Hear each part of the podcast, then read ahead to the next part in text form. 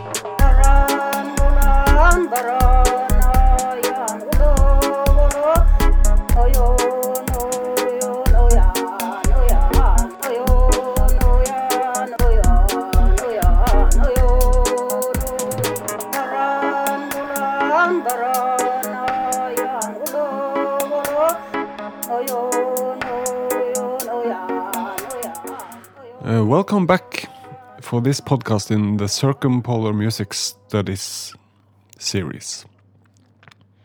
We are continuing today the talk with Ola Graff at Tromsø University Museum. We are also hearing Snorre Sivertsen in this conversation, and we are also hearing the potential for archives as a source for development and innovation uh, in cultural and ethnic work, especially connected to the Sami population, where um, Graff also talks about the different natures of a yoik. Uh, I have one uh, one thought about this collection. It seems to be a very rich collection of, of uh, significant material. But uh, I would like to know a little bit about how does this collection uh, come about? Uh, uh, have it has it been like just accidentally falling together, or has there been some active work to to source these different recordings and soundbites? Yeah, let's begin, begin with the beginning. It was a private person.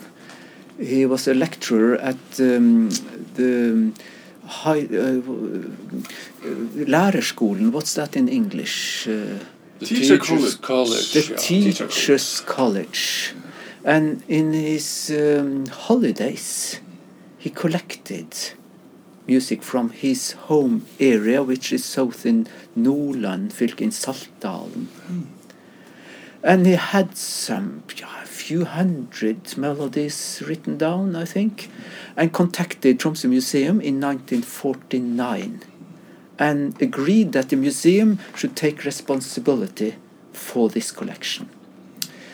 The years after he, in his uh, holidays, he traveled around in northern Norway collecting. And uh, he started with the Norwegian tradition, but realized quite, quite soon that he should also be interested in the Kven and Sami tradition. So from the 50s he recorded both Sami and Kven tradition. And uh, he died in 1975 and left a big collection here. About 5,000 melodies. Uh, In- I'm sure that In- our our listeners uh, would be interested in his name, He was named Arnt Bakke. Arnt Bakke. and yes. he was also a lecturer in uh, Nesna. Yes. He was his wife was from Nesna. Uh -huh. Yeah, and, so uh, uh, as a retired, he went. He lived in Nesna. I thought he few- also was a teacher at uh, the Teachers College there. but maybe this, I can't say for sure. No, I know. Uh, He was I knew here in his, uh, Tromsø at least. Uh, wife, yeah. Yeah. So um, from 1975, it was then 11 years. I was hired to to go through his collection and make um, catalogs of it. So I worked here some years. Uh, the museum tried to get a permanent position and had to fight for some years. Uh, but in 1986 it was a permanent position, which I got and have been here since. Since then, uh, it has grown very much. I think um, I'm not quite sure. Maybe we have what I should estimate uh, 20 to 30,000 different recordings or songs written down in manuscripts altogether. big number. Big number, and that is through hard work. Mm. I have traveled quite a lot around interviewing people from all these three different cultures, uh, trying everything. Time I've heard about private persons having a private recording of their grandmother, I've tried to contact them and asked if Tromsø Museum could get copies. I've uh, been to other archives to get copies they had from Northern Norway and so on. So I've been working all these years trying to get material from Northern Norway here.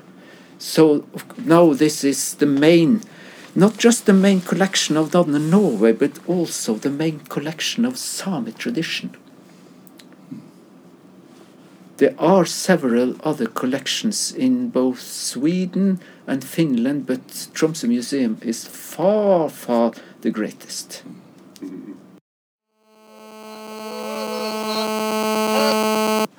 it was my telephone ringing. Um, I, I don't tell so often, but in fact, it's my own personal yoik song I put to the telephone when it rings. At the ringtone. As a your ringtone. It's a Yeah, yeah. ringtone. But, uh, who It's- gave you? It's calling joy? my name.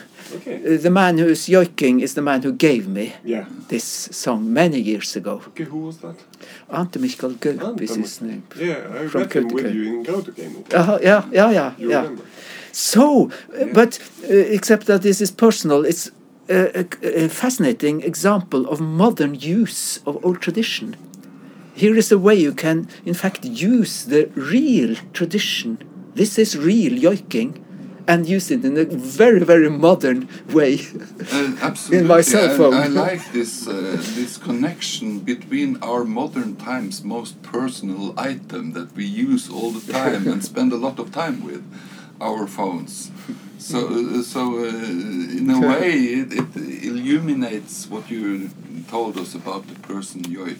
And also the possibilities for the future. Mm. This old tradition shouldn't be forgotten. I think it has big potentials for for musicians, for yeah, for mm. artists. I used to say to people that the reason why folk music songs has ha, have lived during generations is not because it's so-called old tradition that we should keep alive. No, it's because it's good music. And also we today find it as good music that we can use. And I also f- find it very, very uh, significant that this tradition represents another way of viewing uh, the relation between persons, and uh, and uh, it's another di- dimension added to how we can describe a person. It's uh, very interesting. yoik songs, yes, Yeah. very interesting. I was uh, thinking about one more thing about uh, yoik songs because we have uh, we have been talking about person yoik songs all the time, but we we uh, we know from uh, our our local uh, material that we also have, uh, for instance, uh, animal yoiks describing different species uh, of animals, and we also have like like location, for instance, a yoik about a mountain Yes. uh, and a, and a lake. Uh, I am sure this is also represented. Mainly, you can say you have three different kind of yoiks. You have for persons, uh, you have for animals, and you have for the nature places. Yeah. Um, um, earlier, you had yoiks, for example, for the moon, for the stars, for the sun. Most of these old yoiks are, yoiks are forgotten. You also had yoik uh, connected with the pre-Christian religion, which is also gone. No, no, uh, no um, documentations. There exists documentation. Okay. but not very much.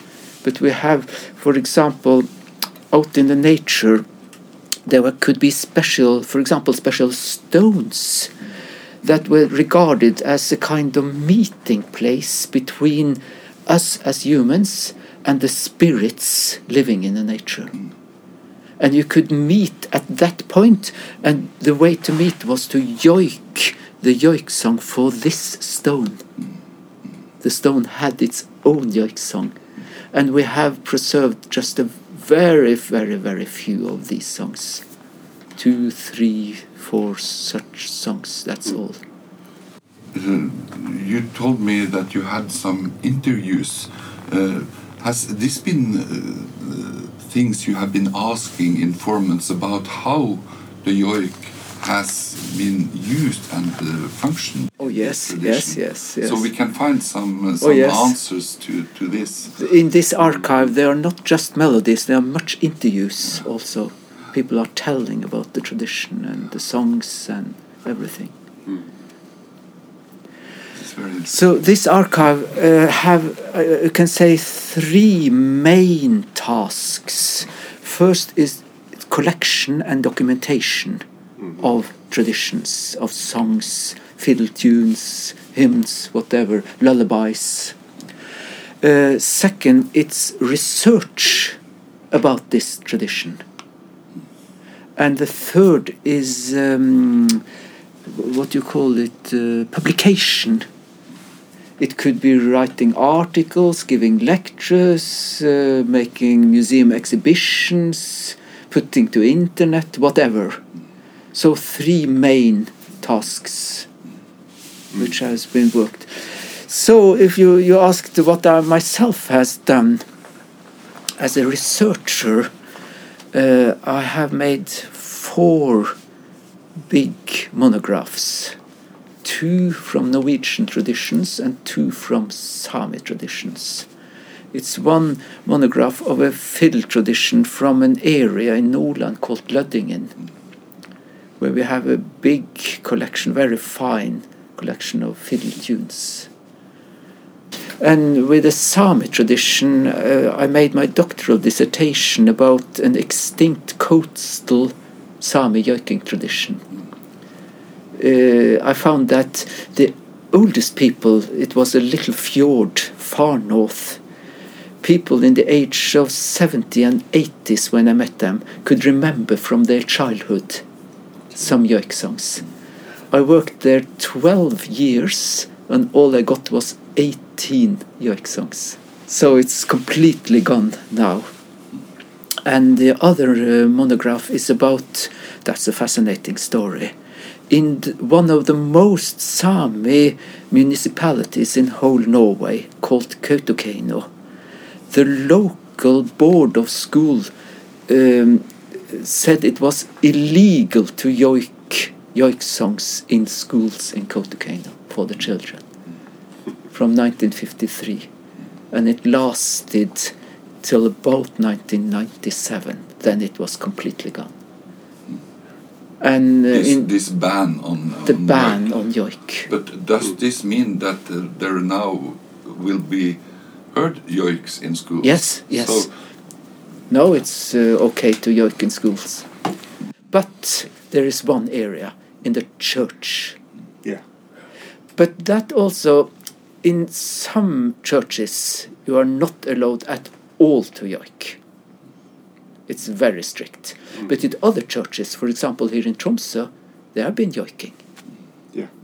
So we live in a time now with the with conflicts internal in the culture, and things are they're going on and development now these days.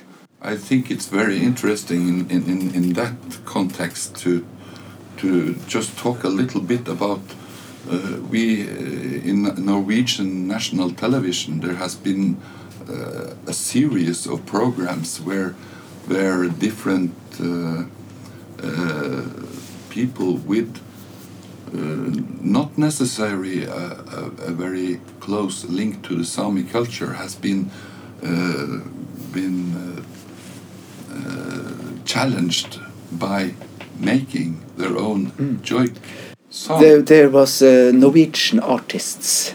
Norwegian. They art, picked yeah. Norwegian artists, Yes. which had a mentor and worked for a couple of days to try to make a joik song. Yeah. This is interesting because uh, it it breaks a little bit, uh, at least from uh, what I can, what what I have learned about this Sami tradition. Uh, but the, at the same time, it's it's a very good example of uh, explaining the yoik tradition for the big uh, general public. I I should think. I would like to hear what you think about that. Oh, what I think. I think yes and no. Yes and no. I think it's positive that you make a, you you you may, it, it comes out of this a very positive attitude to the Sami culture, hmm. which hasn't always been so in Norwegian among the Norwegian population. Hmm. That's positive. But concerning the yoik songs, you can't learn either to yoik or to make a yoik song in two days. And what they make are Sami pop, to say it as it is. I uh, tend to agree with you, but uh, but at the same time, it's an interesting thing that this uh, actually. I think it's done in very good intention. Yes, yes, to, yes. To to to uh, Oh yes, boost a little the this this uh, forgotten culture. Mm, yes. But of course, uh, when you do things like that, you risk losing something uh, Hmm. but important. of course this modern development is also a subject for this collection here and the work here to follow what happens today with the traditions. That's also very interesting. It's very interesting. We we we, uh, we know now that uh, even the Disney uh, film industry has uh, has uh, uh, shown a big interest for the Sami culture. Yes, this last Frost Hmm. film. Yes, the, both, the first and the second. But have you seen the second? Yeah. It's specially you have the Samis there, you you have this big electric powered dam, yeah. Which has to go away.